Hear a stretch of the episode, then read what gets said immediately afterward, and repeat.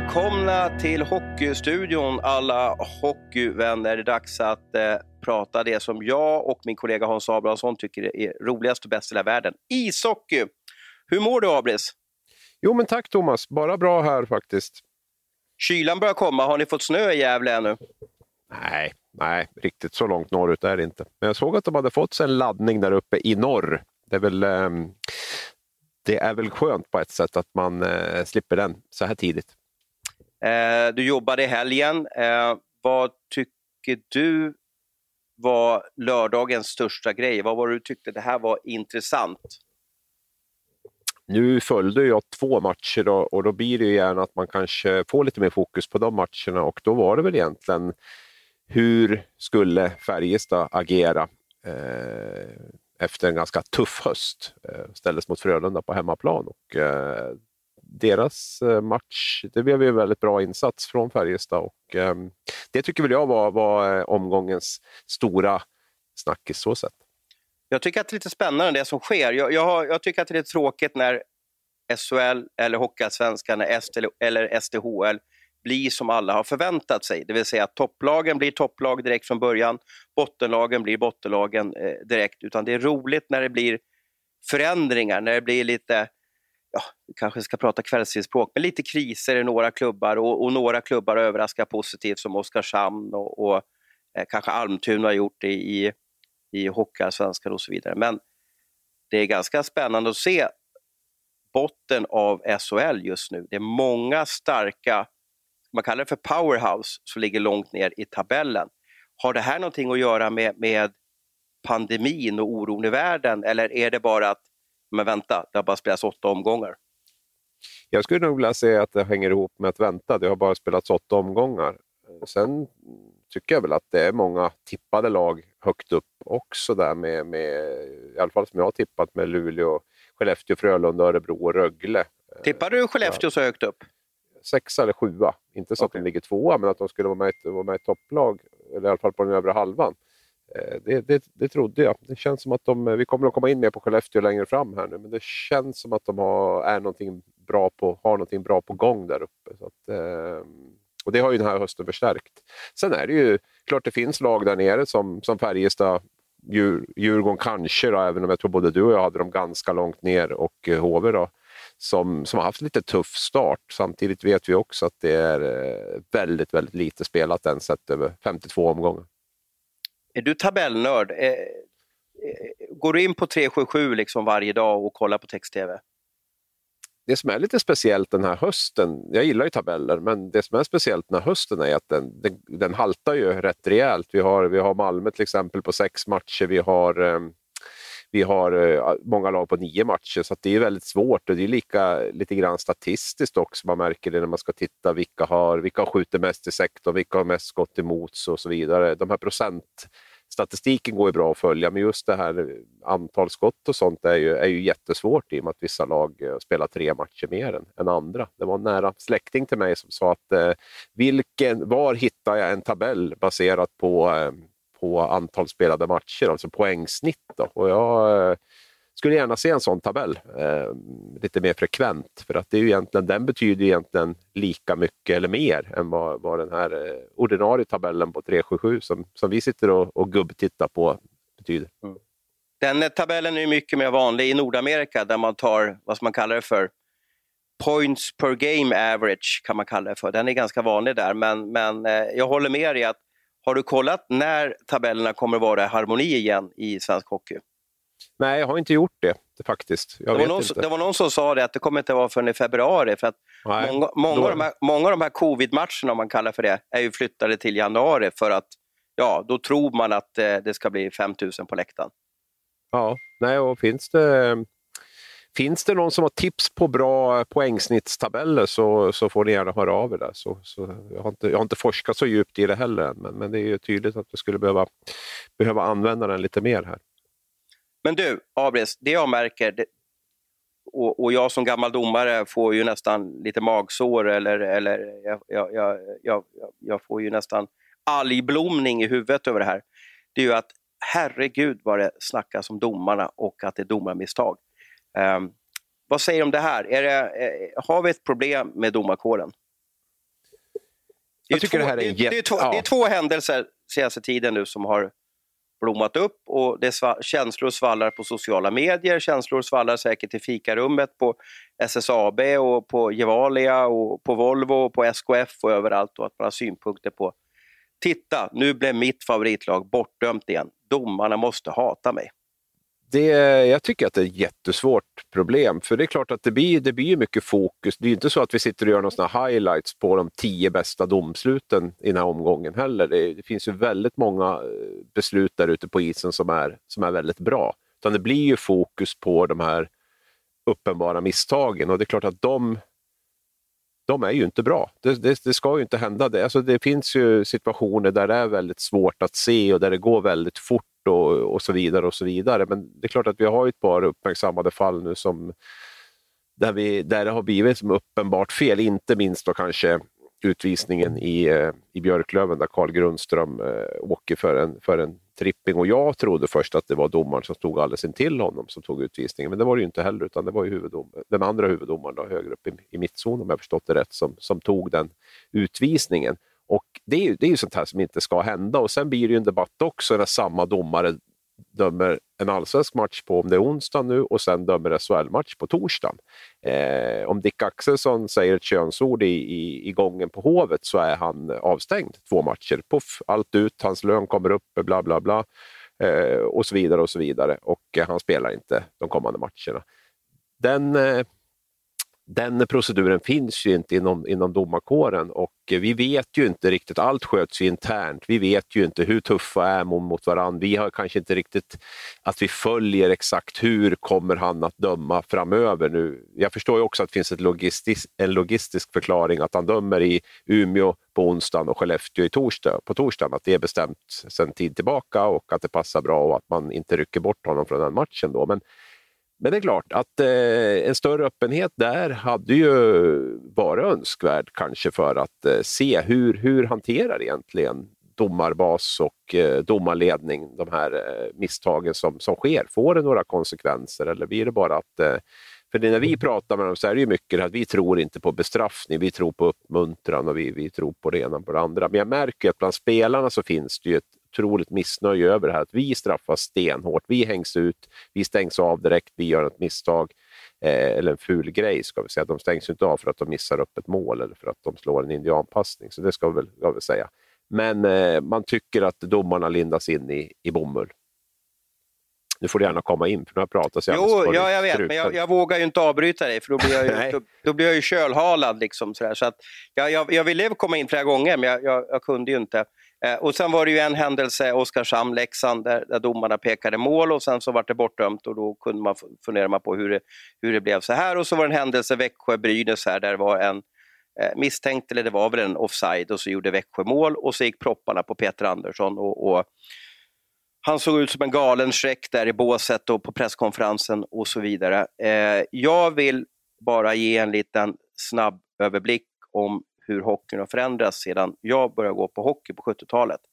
Eh, då stod man på ståplatsläktaren och frös eh, eh, och man stod på tjocka plankor på ståplatsläktare och kunde hoppa. Och när man hoppade så, så hoppade alla andra också för att plankorna var ju ojämna så att det blev liksom studsar hit och dit och sådär.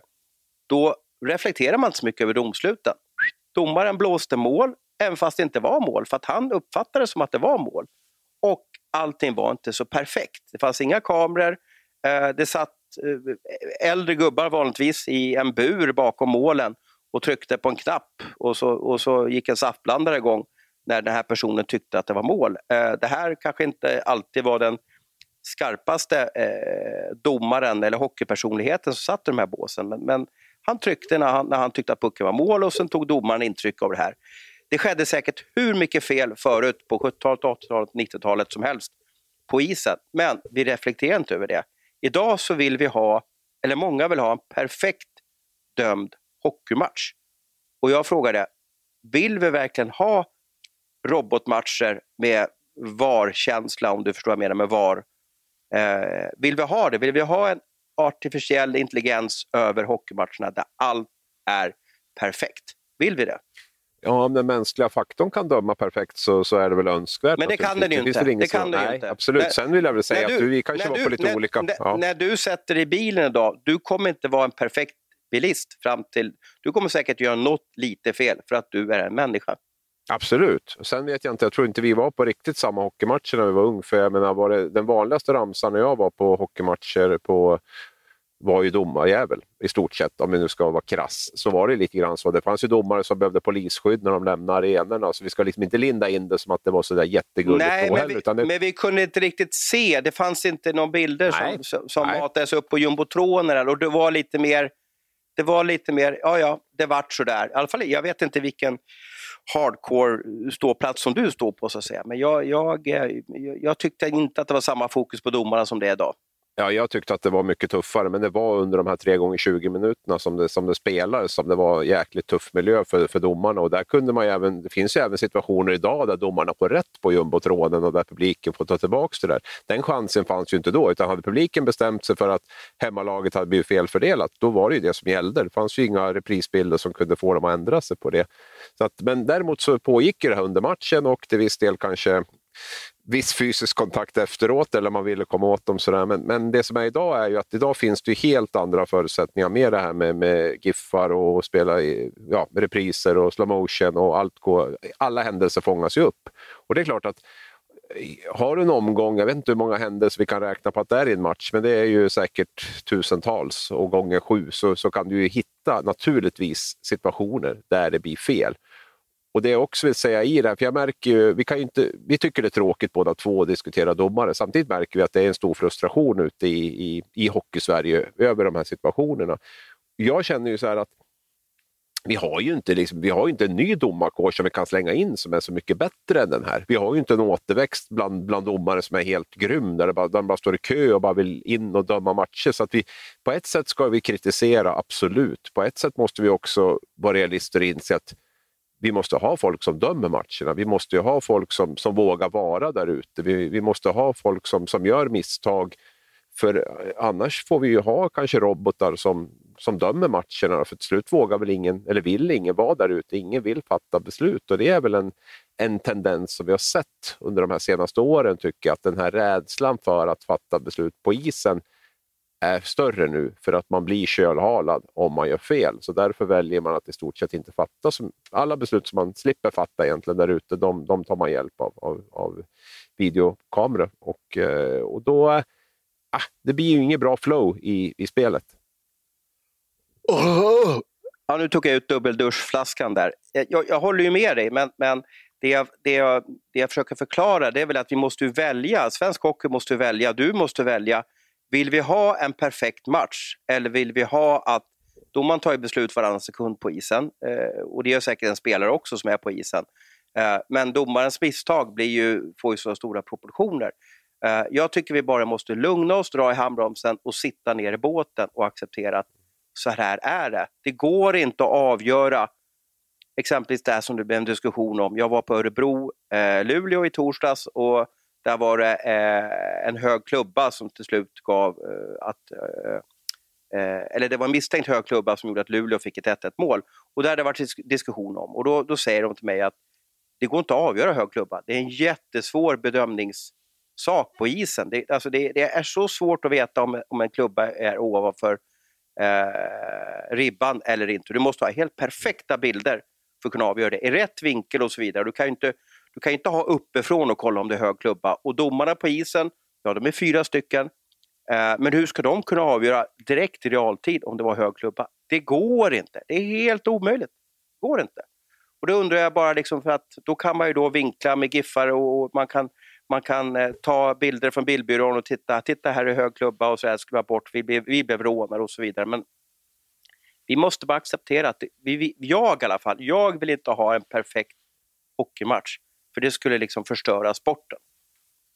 Ska vi införa coaches challenge då? Ja, men då får du beskriva vad är coaches challenge? Jag tänkte och... att du skulle göra det. Ja, precis. Nej, men domar, eh, coachen, kortfattat så har han ju rätt att utmana ett domslut. Ja, tränaren i båset då. I, I Nordamerika har man ju lite bättre teknik än vad man har i Sverige. Utan, eh, och sådär. Det är några lag i Sverige som är jättelångt gånget på det här. För du måste också veta en sån här sak att exempelvis att den här matchen jag var på i, eh, det var väl samma sak i Oskarshamn också, du vet, det var ju i eh, Örebro mot Luleå. Luleå kvitterade på 1-1 på en misstänkt hög klubba. Eh, vad händer då i, i Örebro? Jo, eh, domaren dömer ju mål och så vevas den här incidenten, händelsen på jumbotronen oavbrutet och bara pumpas ut. Att man hoppas att domarna ska ändra sig, alltså tjuvkika på jumbotronen eh, och ändra sig. Hänger du med hur jag menar? Eh, jag hänger med. Ja, men, men i andra lägen så kan det ju vara så att om det är hemmalaget som har misstänkt klubba, då, eller hög klubba och domarna har valt mål, då kommer den här händelsen inte vevas en gång. Så det blir ett system som inte kommer liksom funka riktigt bra eh, till slut. Då. Men i Nordamerika har man så här NHL, att man har coacher challenge. Eh, och bland annat på offside så kan man då som tränare eller som lag, om man tycker att det har skett en, en, en icke godkänd offside, eh, och som till slut, och i sekvensen efter så har det blivit mål för, för motståndarna, då, då kan man dra i en livlina och så slänger man fram ett kort som heter Coacher Challenge och så kollar då eh, War Room i Toronto på det här en gång till. En extra grej. Men det man ska veta också är att i Nordamerika så sitter det kameror ovanför blålinjerna som har stenkoll på vad är offside och inte offside. Det systemet har vi inte riktigt i Sverige. Men det finns ju en, en tanke nu på att vi ska införa coacher challenge, en diskussion att, ja, men att man ska kunna få nyttja någon typ av kort. Men vilken typ av coacher challenge skulle du vilja ha? Vad, skulle ty vad tycker du skulle funka i det svenska systemet? Ja, jag har ju varit emot det här om jag ska vara helt ärlig, för jag tycker att det blir ytterligare ett stopp i matcherna. Eh, offside är väl en sån grej och vi har ju varit på VM båda två och varit med om Coaches Challenge där eh, bland annat Rickard Grönborg gjorde en sån för ett par år sedan kanske där nu. Eh, och åkte dit på det. Han fick inte rätt på det heller. Så att, eh, jag tycker väl naturligtvis att eh, nej, men situationer där, där det är avgörande händelser i, i, stora, i det stora hela. Sen är det ju så, har man, har man, har man videokollat en gång så, så finns det ju ingenting att, att videokolla på utan då är det väl i så fall den typen av, av händelser då, som, som uh, offside till exempel. Men du kanske har bra, bra förslag där. Du är lite mer för det här med coaches challenge än vad jag är. Ja, du... jag tycker att det är fascinerande, men jag har väl ställt mig på en sida i min hockeybok att jag vill inte ha den här perfekta matchen. Jag vill inte att det ska bli datorer som, som avgör vad som är rätt och fel, utan eh, vi är människor och det måste vara människor. Jag har lite problem med Hawkeye på, på tennis och så vidare. Jag, jag tycker att, att eh, jag, och jag börjar närma mig 50 år, att ja, men, låt oss hålla på med idrott och låt, ibland så gör domaren rätt och ibland så gör domaren fel. Ibland gör jag rätt och fel i samhället och ibland så gör spelarna rätt på isen och så vidare. Det, det är så det funkar, det behöver inte vara perfekt. Det, det, det, som är skillnaden, nu avbryter jag dig lite grann här, det, för det jag vill säga med det här är att eh, internationellt så videokollar man inte lika mycket. Det är min bestämda uppfattning. Där dömer domarna mera. Här videokollar vi resten i princip allt.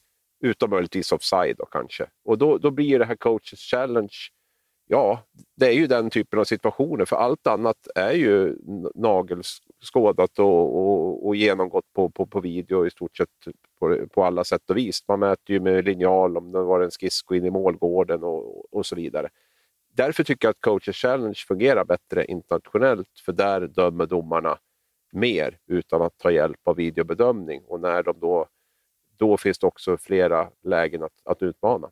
Eh, Mike Hellberg gav ett förslag här, det var många år sedan. Eh, han, han sa, om det var i en text eller en podd eller en tv-program, eh, eh, det, det minns jag inte riktigt, men han sa att men varför ska domarna vara på isen? Låt dem eh, springa på ett, ett, en glasskiva typ ovanför isen så att de får döma matchen mycket bättre. Och sen så har de tv-apparater runt sig så de kan dubbelkolla allting. Och så får vi en perfekt match. Och sen har man bara någon typ av person som släpper pucken på isen och så kör man. Eh, jag säger inte att det är rätt, det är bara ett inspel i debatten så att ni som lyssnar på det här kan fundera på, ja men det här kanske är en bra idé.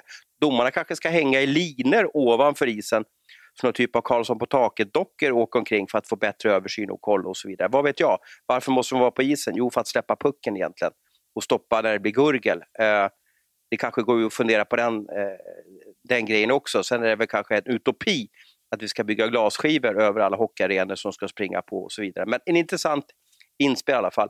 Men kan vi slå fast någonting?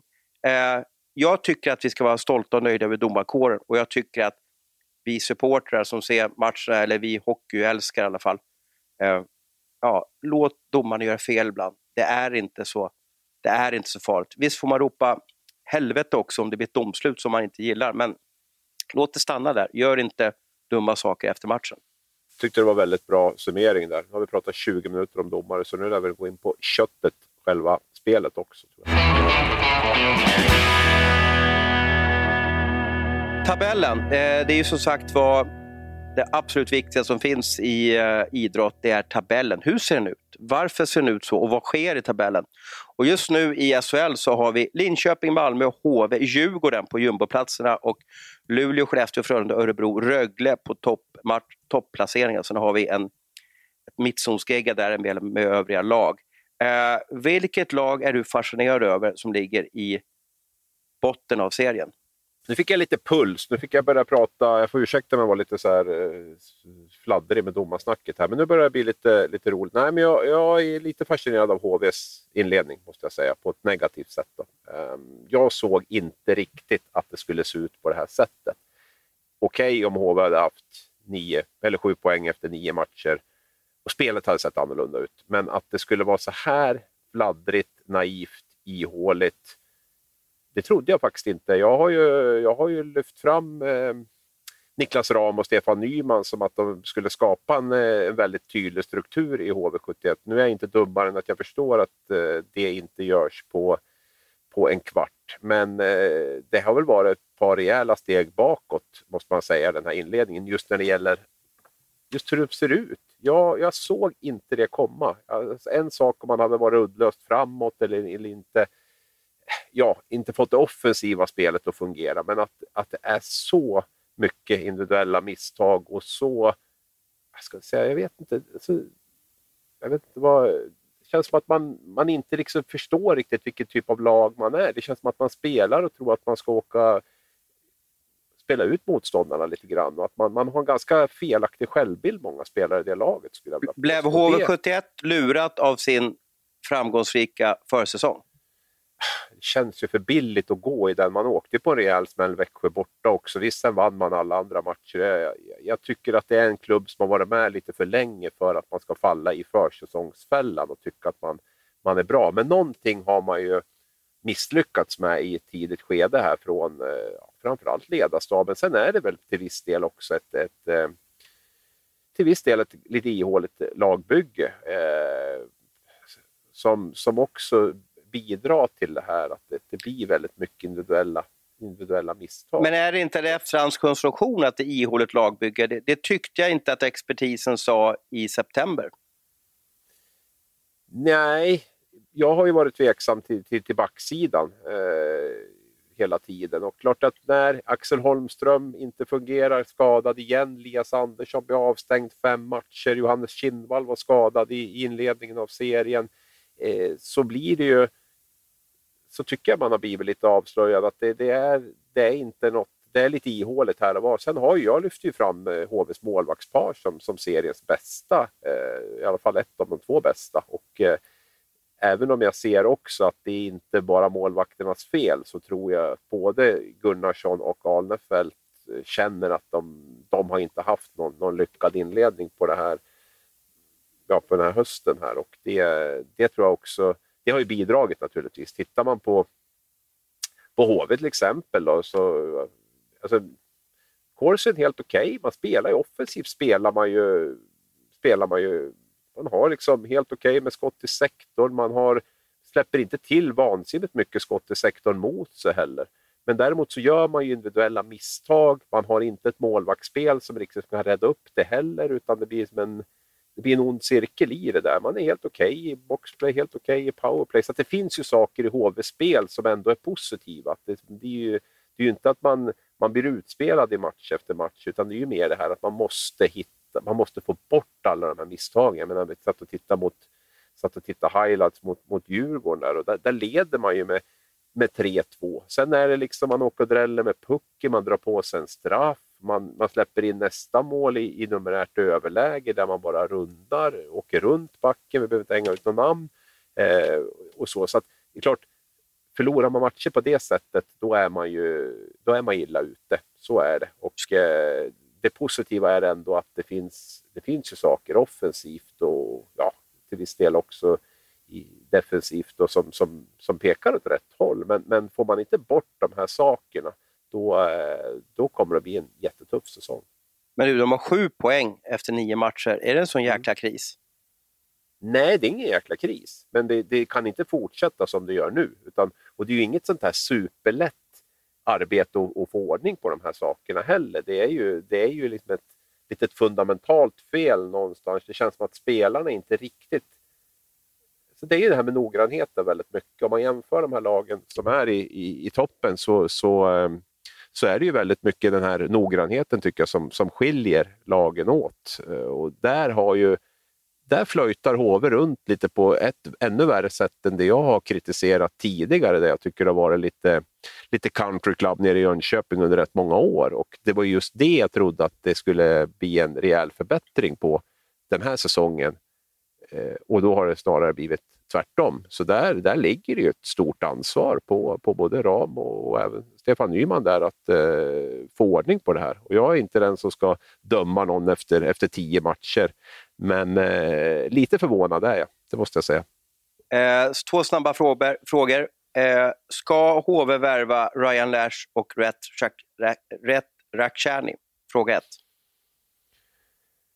Jag är inte så säker på det. För att jag det ryktas ju om de två till HV71, ja, det vill säga. Ja, ja, ja, och för det första så är det väl en ekonomisk fråga. Det är klart att eh, finns det i det här läget de pengarna att pumpa in på två sådana spelare så, så blir jag väl lite överraskad över det och tycker väl inte riktigt att det, att det går i takt med, med, med den tid vi lever i nu med coronakaos och allt Men det, det, det, det är ju en powerduo som kan förändra HVs offensiv. Så är det, absolut. Nu är väl inte HVs offensiv det stora problemet. Det stora problemet är ju att få alla att dra åt samma håll, att få, få jobba som ett kollektiv och, och få med, sätta med de sakerna. Kanske få in ytterligare en back som, som, som kan stabilisera upp, upp bakåt. Och Ryan Lash och Retrack har ju många positiva egenskaper, absolut. Det är offensivt skickliga spelare, men, men som HVs problematik ser ut nu så skulle det naturligtvis kunna bidra med, med ytterligare poäng och ytterligare mål och ett bättre powerplay och så vidare. och så vidare. Men jag är inte så säker på att det skulle liksom hjälpa dem i de här fundamentala problemen som, eh, som jag tycker finns. De, de stora problemen som finns i, i HV-spel nu. Så jag är, jag är tveksam faktiskt. Jag, jag är tveksam Gille, jag vill nog ha ett ja eller nej där. Ja, jag måste ju veta vad vad kostar och ska man ha i båda två tycker jag ju känns ja, men, Det säger att de kostar 200 000 i månaden säger du. Nej, men jag tycker inte det. Jag tycker inte Nej, det i det här ja. läget. Jag gör inte det. Fråga Nej. två. Ska man entlediga Niklas Ram från sin coachtjänst? Nej, absolut inte. Bra, det var kort svar i alla fall. Det gillar vi. Eh, Djurgården då, vad säger du om dem? Det är ju ett annat krislag. Vad, vad händer mm. där? Vad ska de göra? Hur ska vi, hur ska vi väcka mesta mästarna?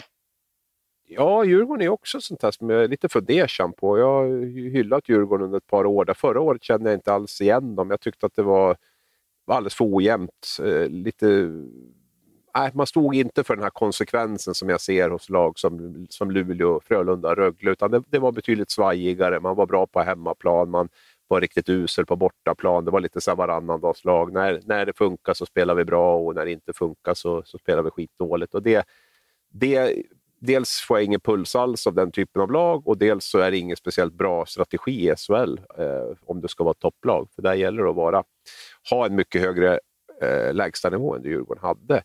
Jag känner lite med Djurgården att man står och faller lite grann med Dick Axelsson faktiskt.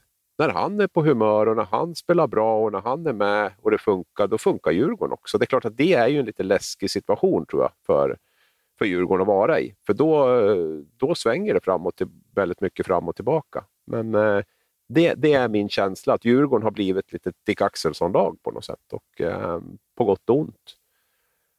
Nu var ju både han och Strandberg, som jag tycker också har varit blek på humör här mot, mot HV och, och öste in poäng och, och, då vinner ju Djurgården. Sen får vi se hur, hur det ser ut i, i nästa match. Då. Men det, det, är inget som känns som en, som en framgångsformel om du ska vara med i toppen. Sen är det väl ingen som har tippat Djurgården i toppen i år heller. Vi har ju, vi har ju pratat mycket om det. Jag skulle tro att 9-10 är väl något snitttips på, på Djurgården och eh, sett till det så, så är det ju någonstans där man ligger också. Och, eh, de drar, på sig, de drar på sig väldigt många matchstraff. Vad beror det på? Aha, är det, ja, fyra är det, stycken. Är det en ja. oro i gruppen eller är det att de är forcerade eller har lite panik? Eller vad, Ja, När man drar på sig matchstraff så är man ju inte riktigt i... Man gör ju inte rätt saker på isen då. Nej, jag tror inte att man bara ska bagatellisera det och säga att, eh, att det, det, är bara tillfälligheter. Och så, utan det handlar nog ganska mycket om disciplin och viss del en kravbild. Nu är det väldigt olika matchstraff man har dragit på sig. Allt från en slowfoot på Högström till en, en, ett skrik i, i gången från Dick Axelsson. Så det, det, det, är ju väldigt olika, men, men lite bygger det väl på den här bilden av att den där ah, den där riktiga disciplinen finns inte där på det sättet som man, eh, som man skulle önska och som jag tror också att, att Djurgården önskar. Men eh, man är, man är ju i det läget att man är ju väldigt beroende av att Dick Axelsson, Strandberg och, och Bergfors är ju i princip den första kedja som ska leda laget. Och ser det ut som mot Frölunda exempelvis, där de inte kommer ur egen zon, då blir Djurgården väldigt sårbart när de inte är på humör och när de inte spelar bra. För att det, det, det är ju, det är ju den kedjan. Sen har du Josefsson med, med ungdomarna där också som, som kan vara en, en, en, en toppkedja, men då är, jag tycker det känns mer som en andra, andra kedja i det här läget. Man kan inte lägga det ansvaret på, på 202 att de ska, ska leda Djurgården, utan det är man, man, eh, och bakom de här så, så är det ju tunt. Så är det ju. Och, eh, så därför så är ju Djurgårdens öde vilar ju väldigt mycket i, i den kedjan som jag nämner där och där är ju Dick Axelsson den som gör skillnad i spelet, positivt eller, eller negativt. Så att, eh, Djurgården var på väg, tycker jag, att bygga upp något väldigt bra under, eh, för två år sedan, där, för tre år sedan. Där. Och, eh, nu är jag mer fundersam på, vad, på vart vi är på väg. Och det, nu ska vi inte babbla om, om corona så mycket, men det är också att Djurgården är kanske ett av de lagen som har dragit i handbromsen. Ja, de drog det väldigt tidigt och har kanske då kanske inte ersatt Olle Alsing eller Garrison. Eh, och Hultström. Hull. Och, och på, på, samma sätt som kanske andra klubbar hade gjort, för de hade fått panik och de har tappat ja, nästan två landslagsspelare, så hade man värvat två landslagsspelare. Det har inte Djurgården gjort. Man har valt att hold your horses, vi ska ta det lugnt, vi ska överleva om fem år också. Och då kanske blir effekten så att man, man har tuffare att få ihop, få ihop spelet. Men du, en roligare sak Abris, det är ju topplagen, de här som har supportrar som är nöjda varje tisdag, torsdag, lördag. De lagen som vinner, vinner, vinner och de som överraskar lite också och börjar i alla fall just nu efter 8-9 eh, omgångar och vara i toppen. Då. Luleå leder SHL, Skellefteå ligger tvåa, Frölunda trea, Örebro fyra, Rögle femma. Vilka av de här lagen eh, överraskar på dig och vilket lag blir du glad över när, när, när du ser dem spela hockey? Nej, men de två, två lag som jag tycker har varit absolut bäst i höst och roligast att titta på är ju Skellefteå och Rögle. Måste jag säga. Framförallt Skellefteå. Eh, de har ju även fått poängmässig utdelning. Jag tror både du och jag har sett Rögle live den här veckan. Eh, jag såg Rögle i torsdags och du i lördags. Eh, jag varit ju otroligt imponerad av, av, av Rögles sätt att spela och de kontakter vi har haft så blev det likadant i Leksand. Va? Sen, sen handlar det om att få med sig poäng. Eh, blev det en poäng nu ifrån eh, de här två matcherna mot, mot Brynäs och, och Leksand där, så är det ju det är på tok för lite sett till spelövertaget. Men det vi har all sannolikhet så kommer ju det här spelet att, att bära frukt även i poäng. I Skellefteås fall så eh, nej, där, eh, det ser otroligt bra ut med tanke på att vi har väldigt många äldre spelare som inte levererar. Jag tänker på liksom Möller, nu har Lindström har gjort poäng, men Morley, vi har Kiskinen. Alltså de har ju sparkapital där dessutom och de har en ung kärna som, som driver det här laget. De har ett grymt målvaktspar. Eh, det mesta ser, ser väldigt bra ut. De spelar rolig hockey. Det de, de, alltså de släpper till en del också, men där har man ett målvaktsspel som, som räddar dem många gånger. Men det är, det är lite vilda västern när Skellefteå spelar och eh, grymt häftig generationsväxling där med Berggren och Wingeli och till viss del Jesper Fredén och, och, och, några till som, som eh, driver laget just nu och som eh, gör det match efter match. Man spelar ut Färjestad fullständigt i, i torsdags. Man spelade ut eh, Linköping i två perioder i lördags. Jag var såg dem mot Brynäs hemma här i Gävle och de spelade ut dem fullständigt. Och det, det som är så signifikativt för de här lagen är ju att de tar varje byte är på på allvar. Man lämnar ingenting åt slumpen. Man går inte ut och gör ett dåligt byte, utan man pumpar på, pumpar på, pumpar på. Och det är ju, man har orken också att göra det. Man, eh, man är spelbara hela tiden, vilket gör att man kan få igång ett passningsspel. Alltså all, är man utan puck är man aktiv, man, man, man orkar åka i luckorna, man, man, man hittar lösningar. Alltså det är, på så sätt så är de, är de ganska lika offensivt där. Ehm, och, ehm, men, men om vi stannar vid Skellefteå, vad är det som har hänt? Mm. Jag menar, om man kollar på laget så är väl det typ likadant som det har varit eh, under några år. I, i båset så står Hedlund och Klockare och de har väl stått där sen, sen, sen Hardy Nilssons dagar på 70-talet. Du har presidenter Pia Israelsson, eh, jag menar Thomson sköter konditionen och så vidare. Varför ligger de tvåa nu då? Jag tror att man har en väldigt, väldigt bra daglig verksamhet. Jag tycker vi såg exempel... Men vem har styrt upp den då? För det är ju samma gubbar eh, som, ja, som men Man har ju bytt. Alltså, det, Skellefteå var ju väldigt framgångsrikt på det här under, under Lasse Johanssons tid. Sen gjorde man ju en förändring på sportchefssidan, eh, även lite grann på tränarsidan. Nu har man ju bytt sportchefsledning igen och jag tror att den nya ledningen har satt väldigt mycket av det där som var, fanns där tidigare att man tränar väldigt, väldigt bra. Vi såg det förra året, från januari, februari framåt var ju Skellefteå grymt bra. Och jag Så det är Erik, Erik, Erik Forsell ska hyllas alltså? Ja, och Niklas Lundqvist också som är där. Jag tror att eh, det är, det är bevisligen. Jag menar, man, man, har, man har utveckling på spelare, man har utveckling på unga spelare. Det talar ju också för att man gör saker, gör saker bra. Ehm, tycker att, eh, jag pratade med Tommy Samuelsson förra året om den här eh, magiska februari som Skellefteå hade. Jag kanske har nämnt det tidigare i den här podden, men han sa det att hemligheten sa han, det var att vi vågade träna hårt även i november-december, fast vi var dåliga då. Alla gnällde, vi, vi förlorade matcher, men ledningen var bestämd. Vi ska hålla i träningen, vi ska inte släppa på den, utan vi ska fortsätta. Och det, det handlar ju väldigt mycket om det. det är, jag vet att Peter Andersson brottas med det där i Brynäs nu. Eh, vinner man en match eh, och inte spelar bra så har det ofta varit att då flöjtar man av en träning dagen efter och, och tar det lite lugnt och sen så spelar man nästa match igen och så, och så går det sådär. Utan det handlar otroligt mycket om att eh, vara där hela tiden. Sen kan man tycka att det inte är så jäkla sexigt kanske, men, men eh, både under träning, spel, allting, matcher, det gäller att vara där hela tiden. Sen det tycker vi, jag ju Skellefteå gör. Sen har, gör de ju generationsväxling, du var inne på det, men jag vill ändå liksom trycka lite på det att det är det som många lag behöver, det vill säga att vi pratar om Jakob Josefsson i, i Djurgården och sådär. Men Djurgården, om de ska bli bättre så måste ju några andra spelare kliva fram och vara bättre än Josefsson. Och samma sak i Skellefteå. Ska, ska Skellefteå bli bättre och ta nästa steg, då är det inte Joakim Lindström 36, ja Möller är ju bara 31, han har många fina år framför sig. Eh, det är kanske inte Kiskren 34 år. Det kanske, de ska vara duktiga, de ska vara, de ska vara närvarande, de ska vara bra. Men det är ju en ny generation som måste lyfta nivån på spelet och är de som kliver fram och avgör. Och det är det Berggren och kanske Fredén och, och de här har gjort. Eh, och så där. så att, ja, generationsväxling lyckades såna i rätt tillfälle. Det är det som skapar mästarlag i min bok.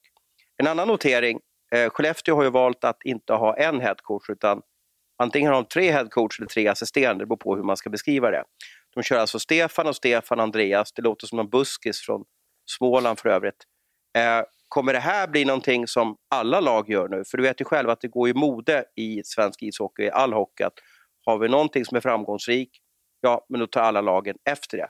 Kommer alla lag ha tre assisterande framöver nu? Att man inte har Nej. en huvud? Nej, det tror jag inte. Jag tror att det är lite grann efterfrågan också som kommer att styra det där. Har du ett bra huvudtränarnamn så kommer du naturligtvis att köra på det. Och har du inte det så får du kanske anpassa dig efter situationen och eh, göra så som Skellefteå har gjort. Jag tror inte Skellefteå skulle ha något problem med att ha en tydlig huvudtränare om man hittar rätt namn. Eh, däremot tror jag inte att man eh, riktigt hittat rätt namn och då tyckte man att den här lösningen kändes bättre. Jag menar, vi har ju haft en liknande lösning även när Hans Wallson var där när de vann dubbla SM-guld med Bert Robertsson och Stefan Klockare. Det var ju inte, eh, jag vet inte ens än idag om Wallson var uppsatt som huvudtränare eller, eller hur det var där egentligen. Eller han, han var i alla fall eh, internt så fanns det liksom inte den hierarkin att han var någon tydlig huvudtränare och sådär utan eh, den har man ju testat på och det är också lite grann det jag var inne på tidigare. Att jag tror att man har tittat ganska mycket i backspegeln i Skellefteå men ändå försökt göra det på ett lite nytt, modernare sätt. Tagit med sig många saker som var bra från, eh, från den här storhetstiden, men naturligtvis inte bara kopierat den rakt av utan även försökt addera till vissa saker. Och där tror jag den här eh, tränarlösningen, eh, där föddes nog idén på att köra med, med tre, tre likställda tränare. Då. Sen är det ju det är inget snack om, när det går bra så, så är det lättare att, att ha det på det här sättet. Går det tuffare, som till exempel, skulle det här vara HV, så tror jag att det skulle vara betydligt tuffare. Vem, vem har egentligen ansvaret här? Vem är det som, som styr det här? Vem känner spelarna? Vem det är som, som, som fattar besluten? Så att eh, Skellefteås val har ju underlättats av att man har eh, gått bra. Men det har man ju inte gjort av en slump heller, utan man, har ju, man kände väl den tryggheten i organisationen. Att vi jobbar på på ett så bra, pass bra sätt så att vi är inte beroende av att vi har en, en tränare som står och pekar med hela handen och är, och är ansvarig, utan det här handlar mer om gruppen i laget och tränargruppen i, i tränarrummet. Det andra laget som visserligen har två raka torsk nu, men som har gått väldigt bra och jag vet inte om de har överraskat, men de är i alla fall en positiv injektion till svensk hockey om vi ser på den resa som har gjorts de senaste tio åren. Det är ju Rögle BK. Vad är hemligheten bakom Rögle?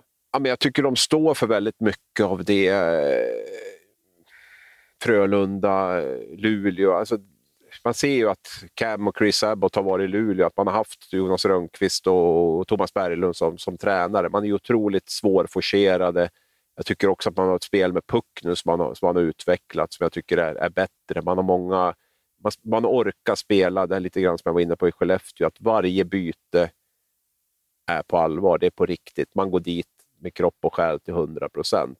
Man, man, man tar inga pauser i matcherna, utan man, man tuggar på hela tiden. Man är fräscha i benen, man, har, man rullar på fyra kedjor som är ganska, ganska jämna och eh, det ger utdelning. Just den här noggrannheten, det kan låta sådär klyschigt och, och, och jag tyckte det var uppenbart nu när jag såg dem i torsdags. Nu åkte de dit på två, två skitmål inom en minut visserligen. Då. Men, men, men just det där att vara närvarande i, i varje byte. Och, eh, sen får man ett högt passningstempo i och med att man är man orkar åka, man orkar vara spelbar, man orkar understödja kompisen med puck, så, så får man ju också ett bra flow i passningsspelet. Och då, det blir väldigt utslagsgivande, för flyttar du pucken fort och flyttar den eh, med variation, kort, långt, brett, smalt, alltså då, då, då, blir, det, då blir det svårt för motståndarna att, att stå emot. Så att det, ehm, det, där, där tycker jag att Rögle är ett, eh, ett lag som känns väldigt, väldigt gediget. Man, ehm, man är svåra att göra mål på. Det är eh, väldigt kompakt i, i försvarszonen, jobbar utifrån de riktlinjer man har där, ingen som riktigt faller ur ramen. Och sen, som jag var inne på, en hel del kreativa skickliga spelare. Nu borde väl Rögle ha gjort fler mål i de här senaste matcherna. Mot Brynäs tycker jag powerplayet som fäller dem lite grann. De har jättemånga lägen men, men gör inte mål. Så det är klart att den behöver man ju vässa till lite grann. För att det blir, det blir tufft att spela så pass bra och få med sig så lite poäng om det fortsätter för länge. Rögle ska ju hyllas för att de spelar väldigt positiv och intressant hockey. Det blir ganska roliga hockeymatcher när, man ser dem. Som jag, jag upplever en rolig hockeymatch. Där kan man diskutera i all oändlighet vad en bra hockeymatch är. Eh, jag såg Örebro-Luleå eh, i lördags, så såg jag Leksand-Rögle, eh, fel, Örebro-Luleå i torsdags och Leksand-Rögle i lördags.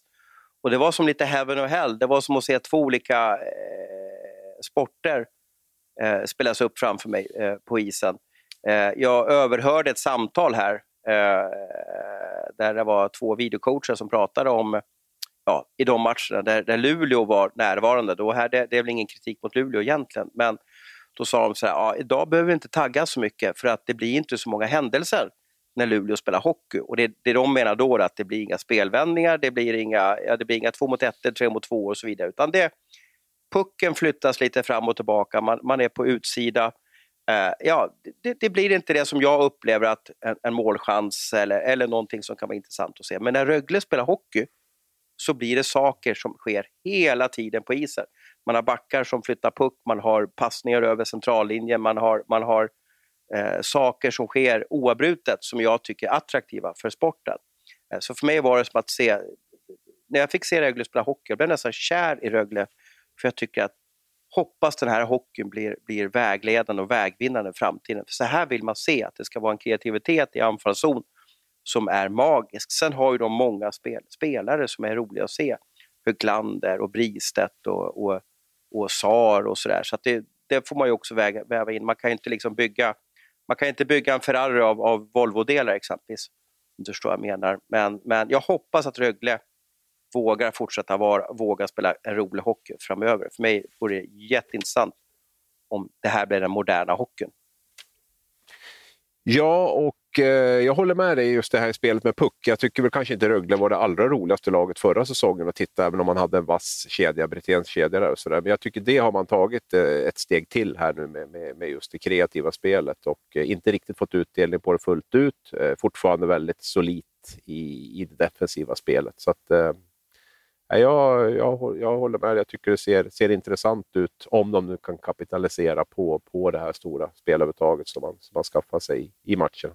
De har ju också Jelinas och den här nya tysken eh, Moritz mm. där. Så det är ju som det är ju två meters pjäser med skridskor och yvigt hår och så vidare. Alltså de, de, de, de såg ut som den gamla Erich Kühnackel, kommer du ihåg honom? Eh, västtyska oh ja. hockeyspelaren där alltså, som mm. bjässar och så vidare. Och man, man gillar när alla inte bara är 1,80 och ser likadana ut och, och, och sådär, utan eh, eh Jelenas skott också är helt magiskt. Ja, alltså. vilka, vilka, vilka, vilka, bomber mm. han har. Alltså, liksom. Ja, oh, det har jag haft sedan tidigare. Jag tycker att han har blivit betydligt rörligare i skridskoåkningen måste jag säga också under sina, sin tid i, i Rögle här. men är, inte, Co eh, men är inte Cody Curran-grejen att Cody är borta, nu kliver Jelenas fram? Är ja, det inte så enkelt? Exakt. Jo, jo, och det här såg väl Abbots eh, än tydligare än vad vi gjorde. Att eh, Jelenas har ju en sjukt hög kapacitet. Får, vi, får han lite bättre fötter så, så kommer han att kunna dominera spelet i stort sett som, som, som Curran gjorde. Och det, jag ska inte säga att han är där riktigt än, men, men, eh, men han är ju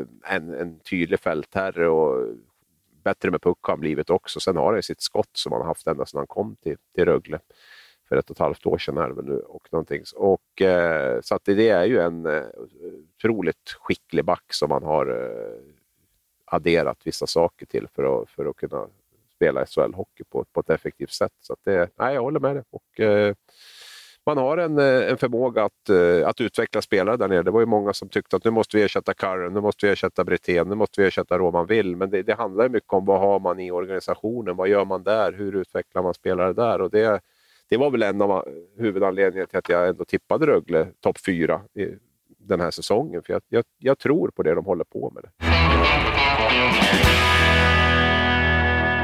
Vi har kalla och heta lag och vi har också samma rubriker på spelare.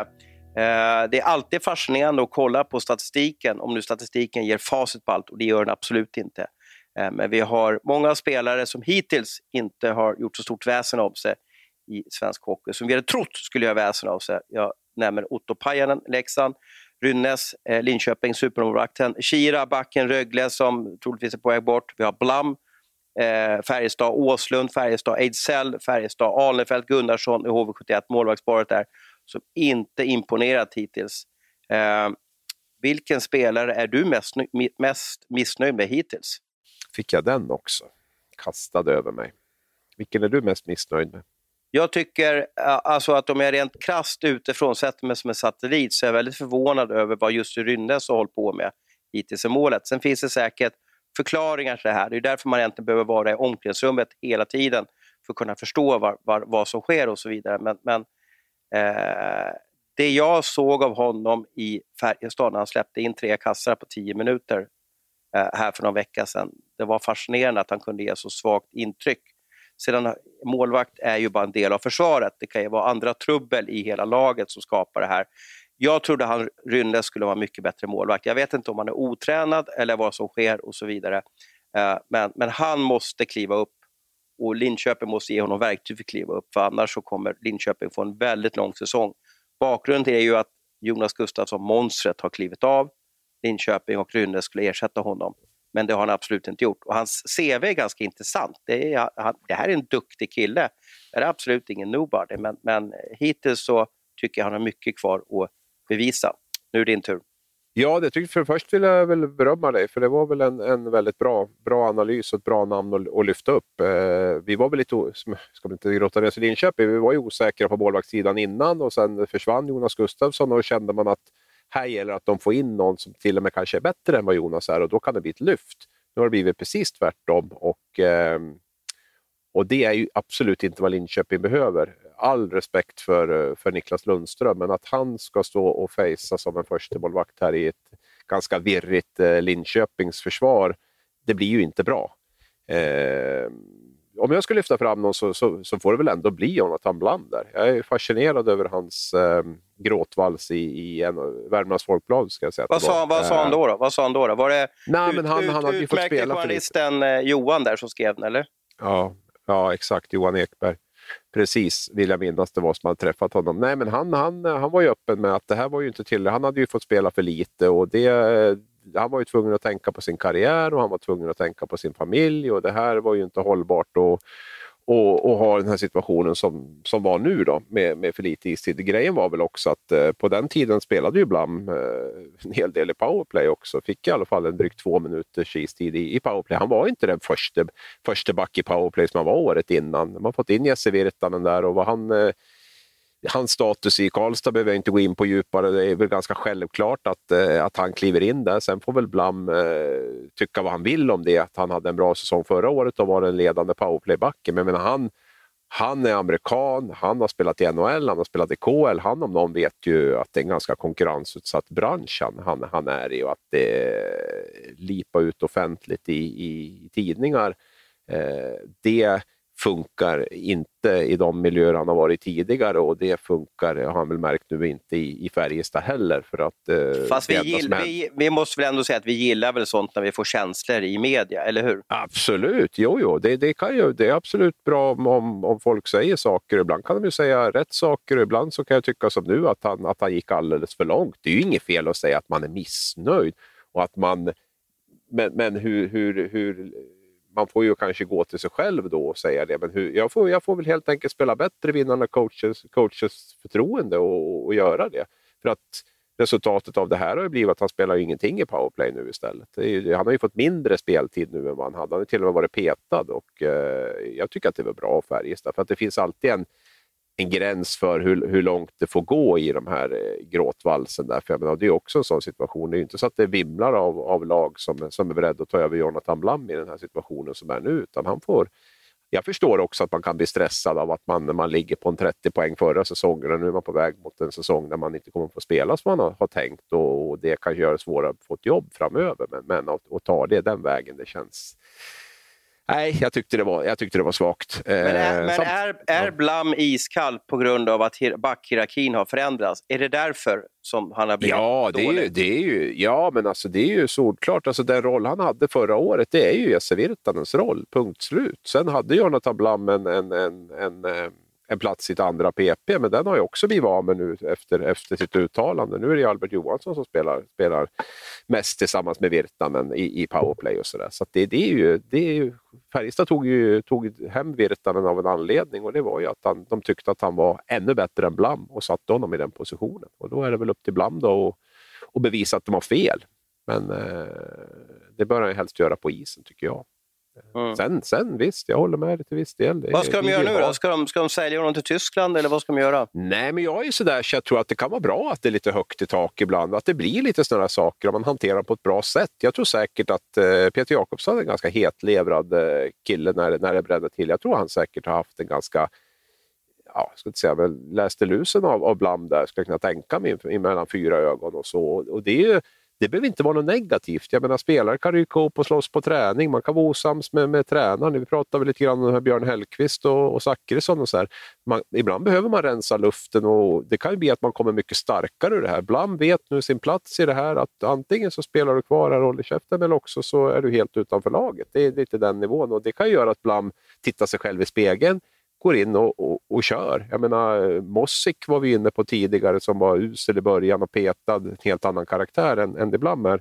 Men också kommer tillbaka tycker jag gör det bra. Så det kan ju få någonting gott med sig det här också. Att, att, eh, att man har tagit det i ett tidigt skede. Ibland så behövs, behöver man rensa luften lite grann. Så jag, jag tror nog att eh, man kommer att eh, och, sitta still i båten ett tag till. Det, det, det tror jag. Och jag menar, det är, man behöver ha en bred, brett lag också. Det finns väl ingen som säger att, eh, att just eh, Jesse Virtanen är skadefri hela säsongen heller. Och då, då kan det öppna sig för Blam igen. Så att, eh, nej, jag, jag tror att vi Färjestad har rätt ut det här till, tills vidare nu i alla fall. Heta spelare, um, det är de spelare som går riktigt bra och är riktigt vassa eh, där ute i SHL. Vi har bland annat Mark Rivik, Leksand, Jonathan Berggren, Skellefteå, Jesper Fredén, Skellefteå, Nolan Sajak, Oskarshamn och Samuel Ersson i Brynäs. Eh, eh, vem blir du helt bananas över? Vem tycker du är fantastisk att se där ute på isen? Nej, men det går inte att komma runt Bergen. Jag har ju hört så mycket om honom under ett par, tre år. Eh, har ju haft väldigt mycket skador och man har aldrig sett det där riktigt. Och jag har inte riktigt fått den där... Då när jag har sett honom så har jag inte känt... Mm, ah, jag vet inte, men, men eh, den utvecklingen han har haft i år är ju helt enorm.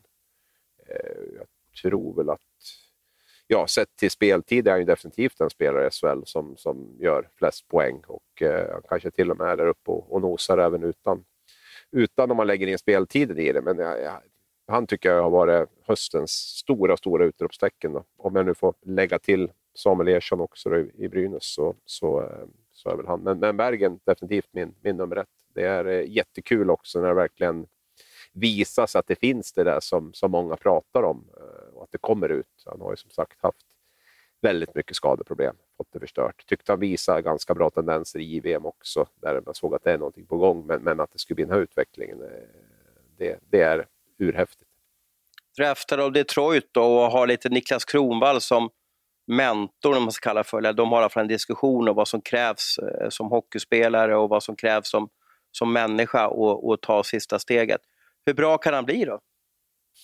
Ja, men jag tror nog att Detroit hoppas på att han ska vara en offensiv spelare i, i NHL. Och det är klart att eh, det vi har sett nu så, så finns det förutsättningar. Sen har jag all respekt för att det är ett jättekliv ifrån, ifrån eh, SHL till, till NHL och framförallt om man ska in och leverera där. Men jag, jag kan nog se honom som en, eh, en forward i, i NHL framöver. Och, sen tror jag inte att han är en första kedje forward i NHL, det tror jag inte. Men, men eh, han kan mycket väl spela där borta och, och göra det i en andra eller en tredje kedja, det tror jag.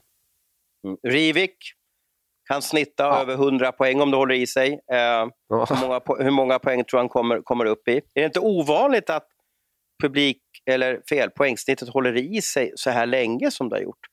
Vi är nästan uppe i tio matcher, nästan två poäng per match. Då. Är det, för mig tycker det känns som att det är en liten, att det, att det håller i sig så här länge förvånar mig lite, det här fantastiska poängsnittet.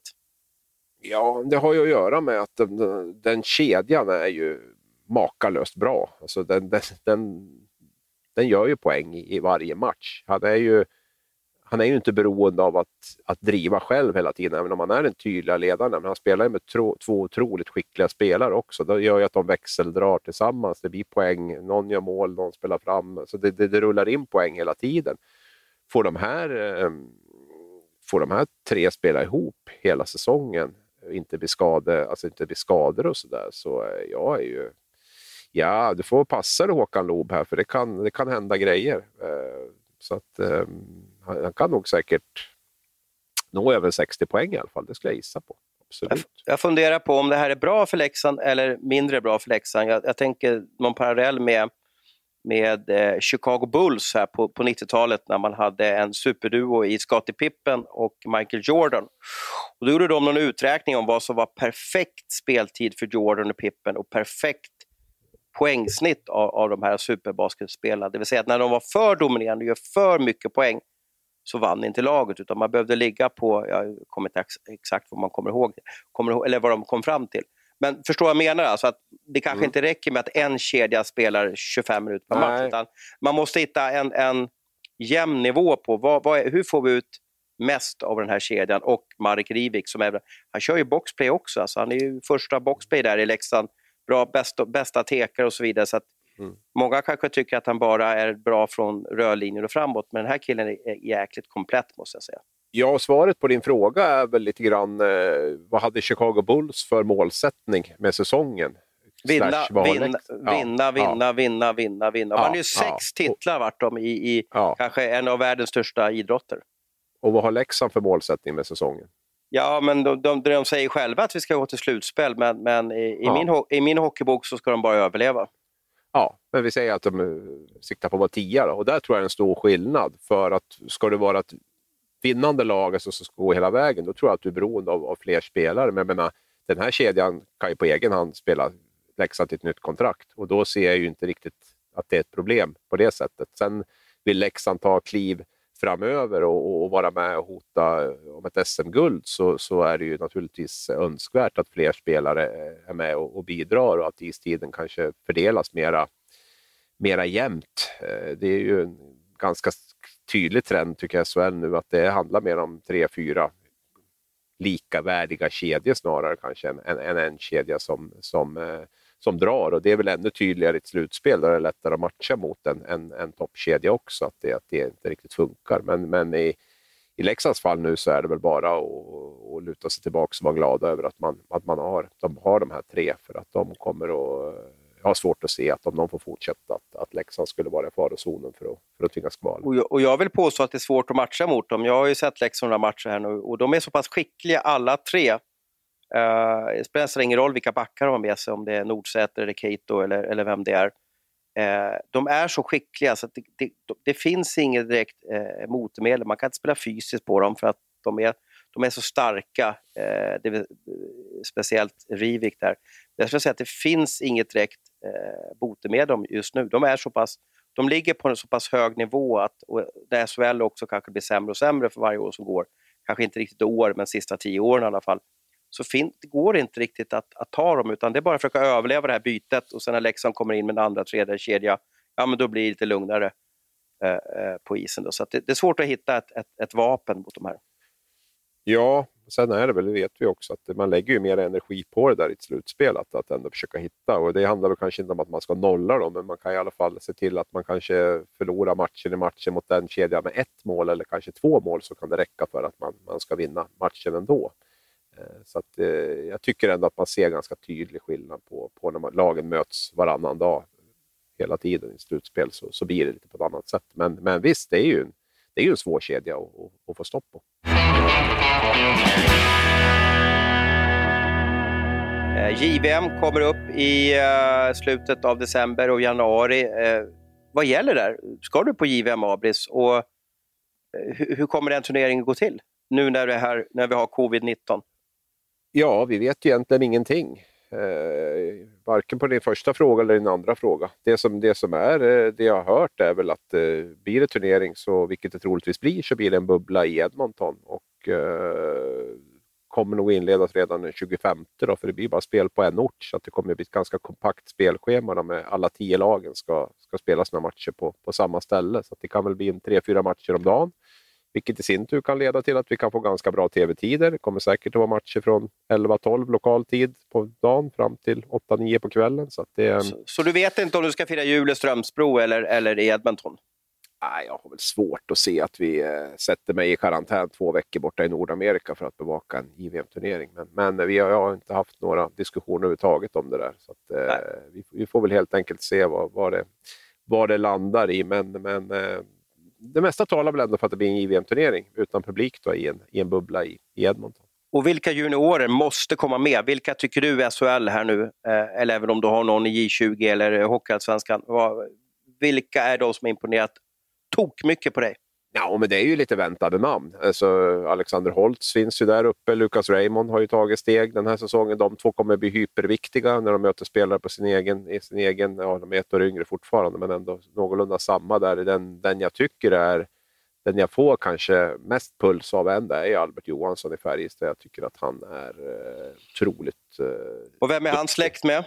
Han är son till Roger Ragge Johansson som eh, spelade många, många år i eh, i Färjestad. Troja-produkt från början. Och, eh, spelade NHL och landslag och, och, allt möjligt. Och när vi ändå är inne på Troja så kan vi väl nämna Helge Grans, vars pappa hette Morgan Grans.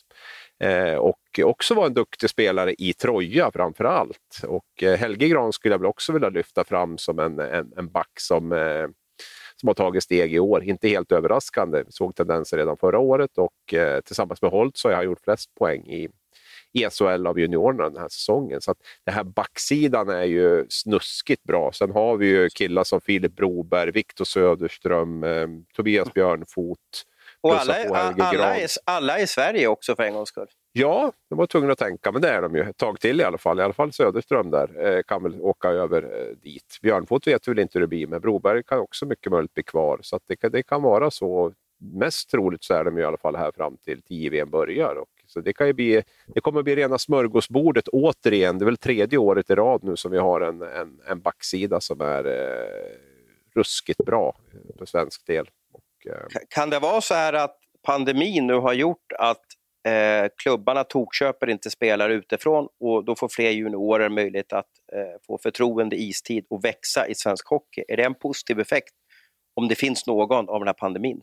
Ja, absolut. Och de är ju de är duktiga de här killarna som kommer upp och jag kan ibland känna att eh, de borde få, få spela ännu mer än, än, än det, de, det de får göra. Och det här är väl eh, definitivt ett sånt eh, läge. Men Djurgården kan väl vara ett typexempel på det där William Eklund och, och Alexander Holtz får större roller än vad de hade fått kanske om, om eh, Patrik Berglund hade varit kvar och, och ytterligare någon spelare hade värvats in. Så det är eh, det är ingen snack om det. Helge Grans Malmö hade kanske gått på ytterligare en, en, en back, eh, offensiv back om, om läget hade sett annorlunda ut. Eh, och så så det, det tror jag absolut. Eh, Frölunda kanske hade skrivit Ryan Lash eh, istället för Lucas Raymond. Alltså att nu har ju Raymond fått Lash roll lite grann så, där, så det, det tror jag absolut. Det är väl, det är väl jättekul. Men några har ju hamnat i frysboxen, bland annat Sion Nybäck. Eh, jag hör att han är på väg bort, superlöftet. Eh, kommer han med i JVM för övrigt, Sion? Eh, jag skulle väl kunna tänka mig att han är eh, aktuell där. Jag skulle inte säga att han är given, men eh, som forwardsidan ser ut så, så, så är han absolut med och, och hugger där. Nu har, vi, har det varit väldigt där, ja, han har ju inte spelat speciellt mycket där heller i, i, i HV nu, så han, han, behöver ju få, han behöver ju få matcher och, och komma igång och spela för att vara aktuell.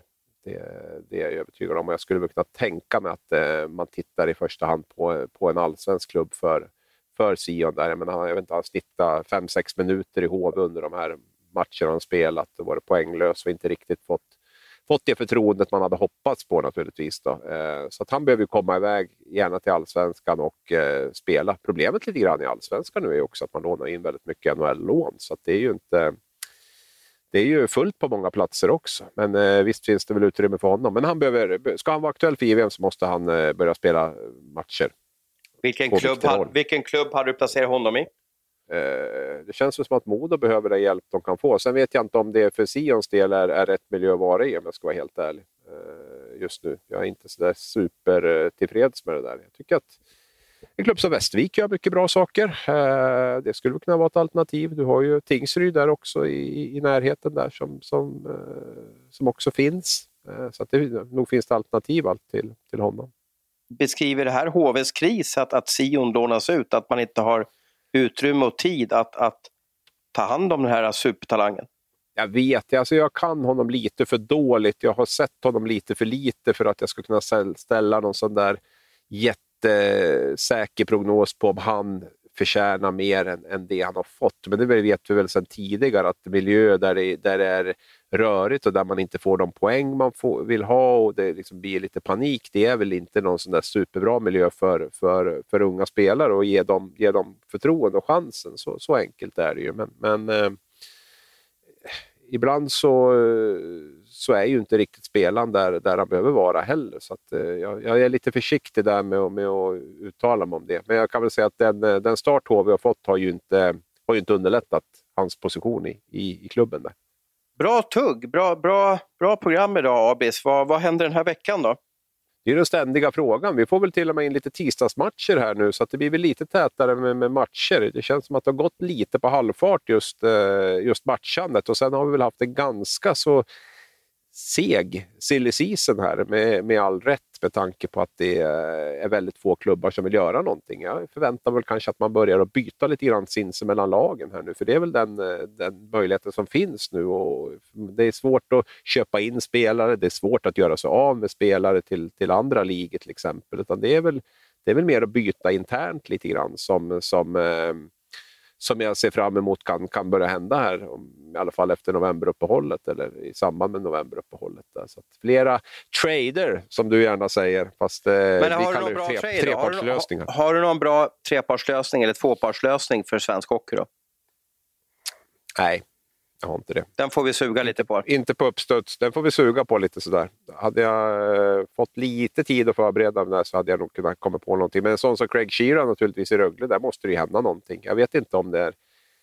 Ja, kapten för två år sedan. iskall, på väg att bli iskall förra året och helt iskall just nu. Och när Moritz Seider kommer in där så är det ett tydligt tecken på från Abbott. Så att, eh, sorry Greg, vi har ingen plats för dig. Nu vet jag inte om han är han är ändå 32 så att han har ju några år kvar att spela. Eh, det är inte så att han bara behöver sitta av sitt sista år utan det är väl en, en, en spelare som, eh, som skulle kunna göra lite, lite nytta. Kanske till och med skulle kunna göra lite nytta i HV71 till exempel. Om man nu har bensin och motor kvar, Kira. Ja, ett, ett, ja. ett, rakt byte då. Blam mot Pajanen. Blam breddar Leksands backsida. Eh, Pajanen ser till att eh, man får en skicklig boxplay-spelare i Färjestad. Vad säger du om det? Mm. Ja, ja, jag måste säga på den lite grann. Jag tycker väl Färjestad i och för sig har en hel del skickliga boxplay-spelare där och en eh, helt okej okay centersida, så jag vet inte riktigt. Men, men eh, det är väl en, det är väl en, eh, en affär som kittlar lite grann om det blir så. Eh, jag tror väl att Leksand kanske vill ge Pajala mer tid och det är väl inte, är väl inte värvad som någon poängspruta heller. Så där. Men, men ja, det kan vara någonting. Man har ju Cato där också i Leksand som en högerfattad back. Men eh, man kanske vill ha in ytterligare någon. Det beror väl lite på vad som händer med jo, Johan Fransson där också. Mm. Precis, och Ahnelöv har ju matchat igång. Du, eh, vi närmar oss nästan, eller vi är över 70 minuter. Så, ja. här, länge, det här, så här länge kan vi inte hålla på. Nu, nu står ju folk Nej. frustar och ska in i duschen och dagen måste ju fortsätta. Man kan inte sitta och lyssna på oss hela tiden. Eh, ha en underbar vecka alla ni som lyssnar och eh, tack för att ni har gett oss den tid som, som eh, ja, ibland så förtjänar den, ibland förtjänar vi inte, men, men vi älskar er där ute.